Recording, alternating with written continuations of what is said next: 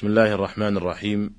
إن الحمد لله نحمده ونستعينه ونستغفره ونعوذ بالله من شرور أنفسنا ومن سيئات أعمالنا.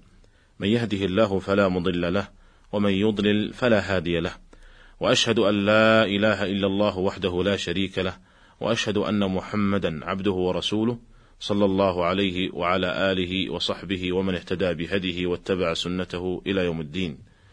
أيها الإخوة المستمعون السلام عليكم ورحمة الله وبركاته. وحياكم الله تعالى في هذه الحلقة من هذا البرنامج والذي وصلنا فيه عند بحثنا لمسائل فقه المعاملات وصلنا إلى باب الغصب. فنتحدث في هذه الحلقة عن جملة من المسائل التي تذكر في هذا الباب. فنقول الغصب معناه في اللغة أخذ الشيء ظلما. وأما معناه في اصطلاح الفقهاء فهو الاستيلاء على حق غيره قهرا بغير حق وهو محرم بإجماع المسلمين. قال الله عز وجل ولا تأكلوا أموالكم بينكم بالباطل ولا شك أن الغصب من أعظم ما يكون به أكل المال بالباطل. وفي الصحيحين عن أبي بكرة رضي الله عنه أن النبي صلى الله عليه وسلم قال إن دماءكم وأموالكم وأعراضكم عليكم حرام. وفي صحيح مسلم عن أبي أمامة رضي الله عنه أن رسول الله صلى الله عليه وسلم قال: من اقتطع حق امرئ مسلم بيمينه فقد أوجب الله له النار وحرم عليه الجنة. فقال رجل: وإن كان شيئا يسيرا يا رسول الله، قال: وإن كان قضيبا من أراك. ويقول النبي صلى الله عليه وسلم إن لا يحل مال امرئ مسلم إلا بطيبة نفسه. وفي لفظ إلا بطيب نفسه. وليس اغتصاب الأموال مقصورا على الاستيلاء عليها بالقوة فحسب. بل يشمل كذلك الاستيلاء عليها بطريق الخصومة الباطلة والأيمان الفاجرة. وحكم القاضي لا يبيح للإنسان أن يأخذ ما ليس له، لأن القاضي بشر ويحكم بالبينات وبما يظهر له، كما قال النبي صلى الله عليه وسلم: إنما أنا بشر وإنكم تختصمون إلي، ولعل بعضكم أن يكون ألحن بحجته من بعض، فأقضي له بنحو ما أسمع، فمن قضيت له بحق أخيه فإنما أقطع له قطعة من نار يأتي بها في عنقه يوم القيامة.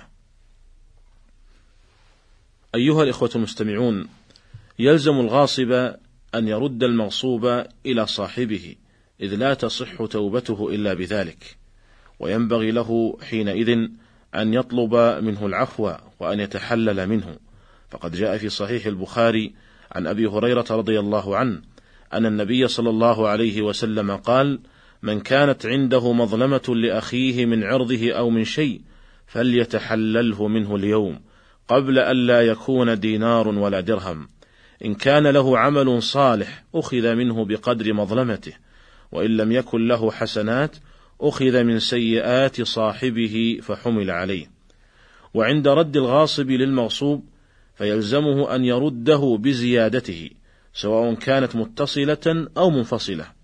لأنها نماء المغصوب فهي لمالكه كالأصل بل يلزمه دفع أجرة مثلها لأنه منع صاحبها من الانتفاع بها في هذه المدة بغير حق.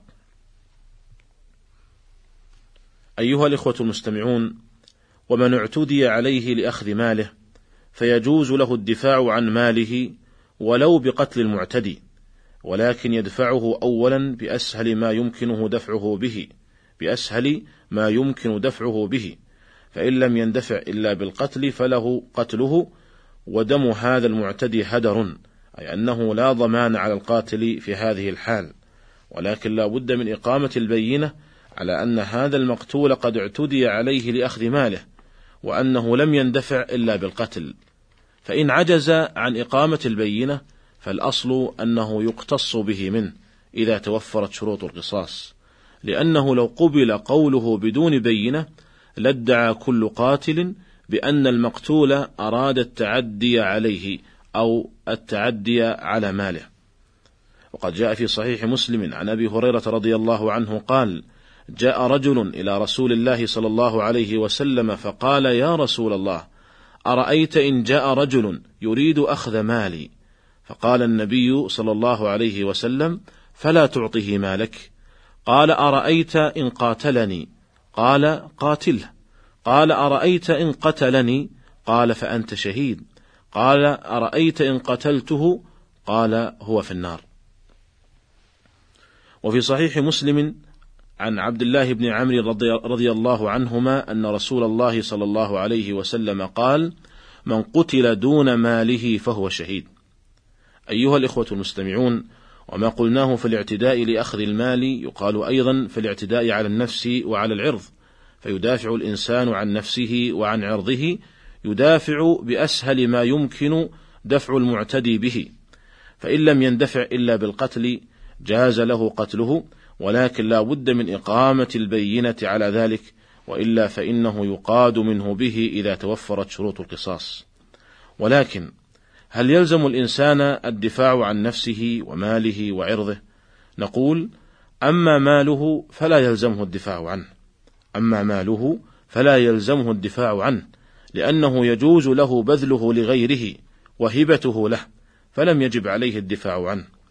وأما الدفاع عن نفسه وعن عرضه وعن عرض محارمه فيلزمه ذلك ولكن يدفع المعتدي بأسهل ما يكون فإن لم يندفع إلا بالقتل فينبغي له أن يحرص على إقامة البينة على ذلك حتى لا يقاد به. واستثنى بعض الفقهاء من ذلك حال الفتنة فقالوا إن الدفاع عن النفس حال الفتنة جائز لا واجب.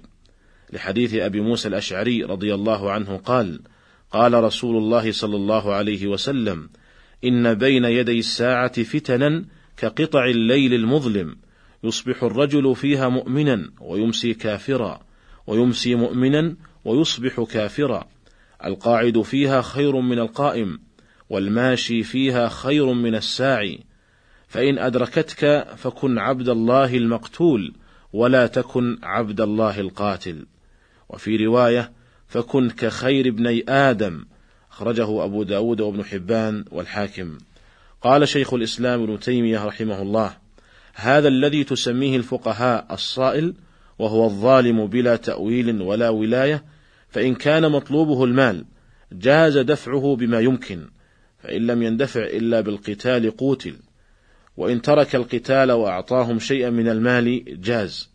وأما إذا كان مطلوبه أي الصائل إذا كان مطلوبه الحرمة مثل أن يطلب الزنا بمحارم الإنسان أو يطلب من المرأة أو من الصبي الفجور به فإنه يجب عليه أن يدفع عن نفسه بما يمكن ولو بالقتال ولا يجوز التمكين منه بحال بخلاف المال فإنه يجوز التمكين منه لأن بذل المال جائز وبذل الفجور بالنفس أو الحرمة غير جائز.